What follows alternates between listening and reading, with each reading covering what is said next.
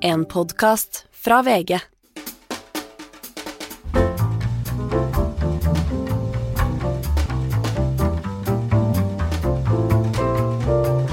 Hei, her kommer en smakebit på min samtale med Marianne Martinsen. Tidligere stortingsrepresentant for Arbeiderpartiet. En som mange mener kunne gjort en veldig god jobb som finansminister for Arbeiderpartiet, men hun har forlatt politikken. Vi snakker om økonomi, om eh, inflasjon og særlig om de store tech-gigantene og kunstig intelligens. Hvis vi får enda sterkere grad av winner takes it all-økonomi, hva skjer da med fordelingen? Trenger vi borgerlønn? Hvordan skal vi klare å bevare både demokratiet og et ganske jevnt fordelt samfunn med den utviklinga vi nå går inn i? Veldig spennende samtale. Hele vår samtale kan du høre, laste ned og høre på Podme eller på VG+. God helg!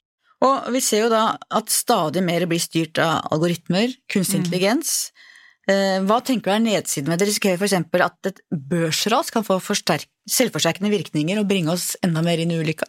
Altså, det kan jo hende. Eh, Jeg, jeg er jo i utgangspunktet litt sånn delt i mitt tankesett om dette. Jeg ser jo noen store muligheter knytta til det, selvfølgelig, som handler om liksom, eh, persontilpassa medisinsk behandling, som handler om skatt, faktisk. Noe av det, det skatteetaten sitter og sliter med, er jo eh, at transaksjonene til bedriftene går gjennom så mange omveier før de ender opp der de skal, at det er nesten umulig å avgjøre om det utløses noen skatteplikt til Norge på noe tidspunkt. Sant? Og det å kunne bruke kunstig intelligens, algoritmer, til å gjenkjenne den type transaksjonsmønstre, altså det, det ligger veldig mye der som det er, som det er muligheter i.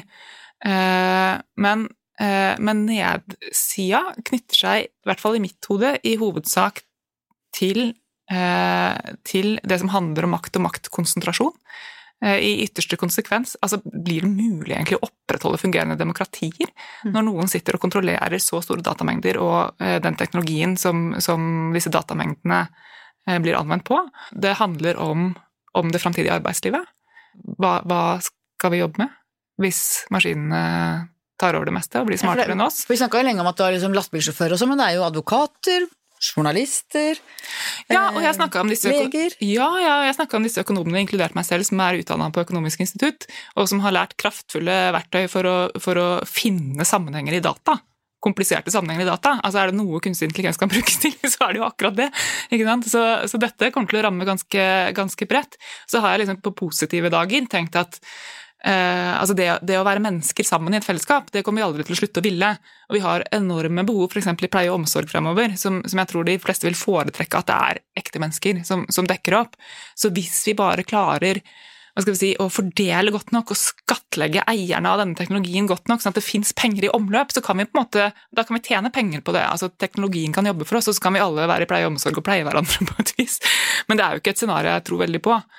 Eh, og så er det noe med, med da blir jeg litt filosofisk, egentlig, men, men, det handler litt om vår integritet som mennesker til syvende og sist. Hvis det er sånn til slutt at eh, maskinen har bestemt, for maskinen vet best, eh, men ingen kan helt forklare hvorfor, altså hvor, hvor tar det oss? Det blir nesten som den gamle dagers veldig bokstavtro religion, hvor det er noen helt sånn fastsatte regler. Dette må du gjøre for at en eller annen makt over deg har bestemt. at Da er det plutselig en kunstig intelligens da, ja. som har bestemt hva du skal gjøre, hva som er riktig, ja.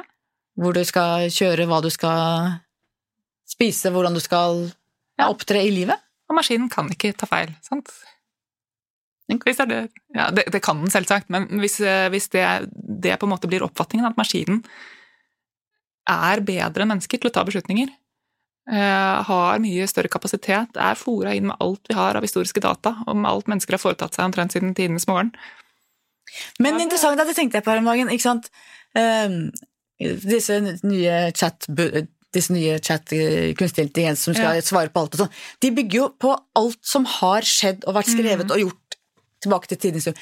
Men kunne den, hvis de ikke hadde funnet opp hjulet nå, kunne en sånn maskin funnet opp hjulet? Altså det å finne nye, helt nye ting som ikke fins?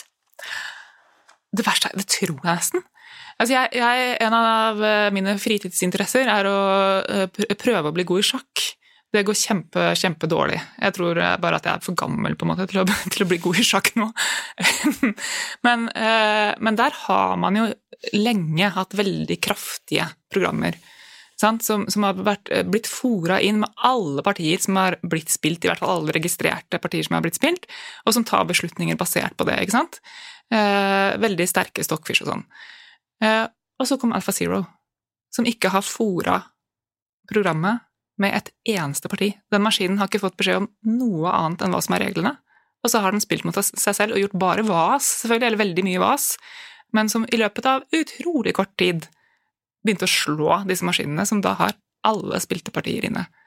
Den har bare lært seg det selv, og spiller til dels helt vanvittige trekk, som jo har endra spillemåten til de beste i verden.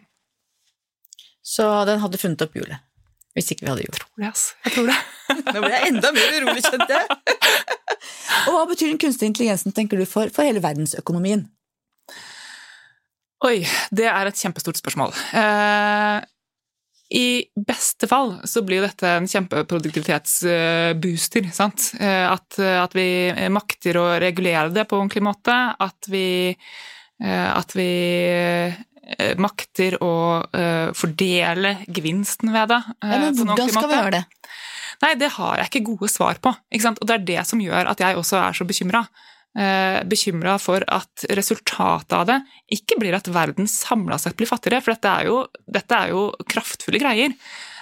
Men at konsentrasjonen av gevinstene ved det blir sterk, og at vi får en stor andel av befolkningen globalt som både har lite inntekt og dessuten lite meningsfulle ting å ta seg til i livet. Og det, sant, det som jeg har sett så langt med Facebook og Amazon, og alt dette er jo at du har jo fått en veldig veldig rik Mark Zuckerberg, du har fått en veldig mm. veldig rik Jeff Bezos, du har fått noen få som har blitt superrike. Mm. Hvis du ser på det som var de tidligere store store selskapene fra General Motors, eh, Exxon Mobil, alle disse, så var det hvis du står på liksom inntjening og antall ansatte per eller inntjent dollar, mm. så var det veldig mange flere ansatte enn det det er på disse store big tech, og de som eier Facebook og disse store selskapene, de er, har jo bare noen former som i gamle dager ikke kunne forestilt seg. Og det er jo bare liksom første skritt i retning av det som vi får nå med kunstig intelligens, som har en utvikling som bare går så sjukt mye fortere enn det vi klarer å, å få hodene våre rundt. Mm. Ja, altså for, å, for, å, gå tilbake til den der eh, Marx-Smith-sekvensen vi var inne på. Altså, Marx hadde jo denne teorien som han kalte for arbeidsverditeorien, tror jeg på norsk. Eh, som handler om at, eh, at altså han, han, mente da at, at verdien av et produkt tilsvarer verdien av den arbeidsinnsatsen det krevdes å produsere det. Og, og den, altså den sammenhengen der er jo fullstendig oppløst med, med kunstig intelligens. Jeg tenkte en, time, en, tenkte en advokattime som koster 5000, mens en kunstig intelligens skal få fram alle dommer, alle rettsavgjørelser, alle paragrafer på to sekunder. Ja. Uh, ja. Uh, og, og, Smith, som var opptatt av, av like konkurransevilkår. Altså, hva, hva, gjør det når det knapt fins verken fysiske eller geografiske barrierer for veksten til ett enkelt selskap?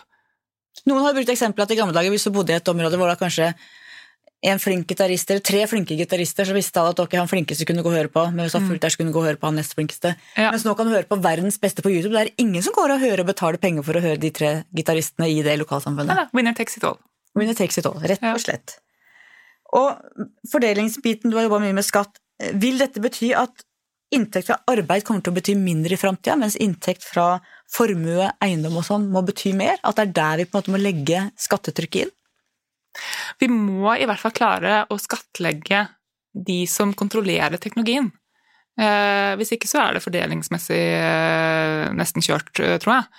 Og så har jo jeg dette, dette optimistiske framtidsbildet hvor vi lykkes med det.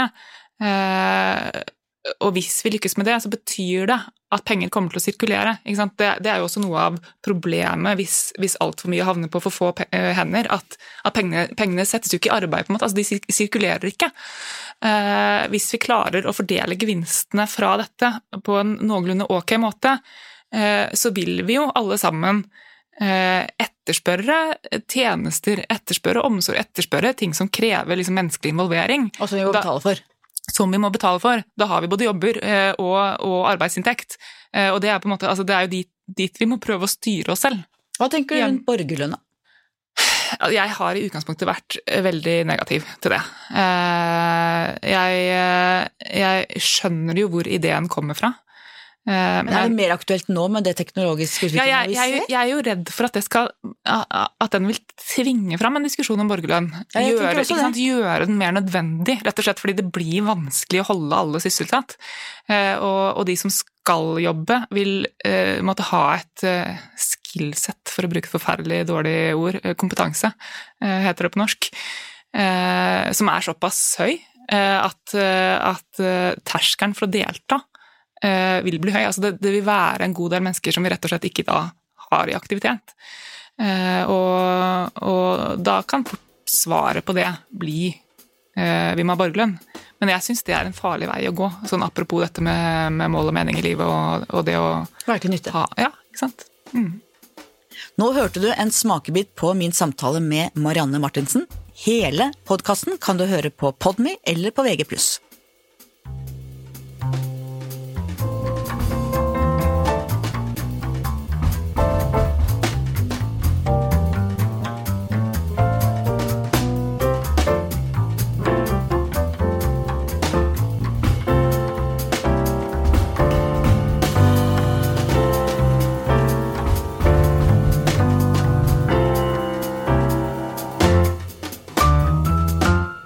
Har hørt en podkast fra VG. Ansvarlig redaktør, Gard Steiro.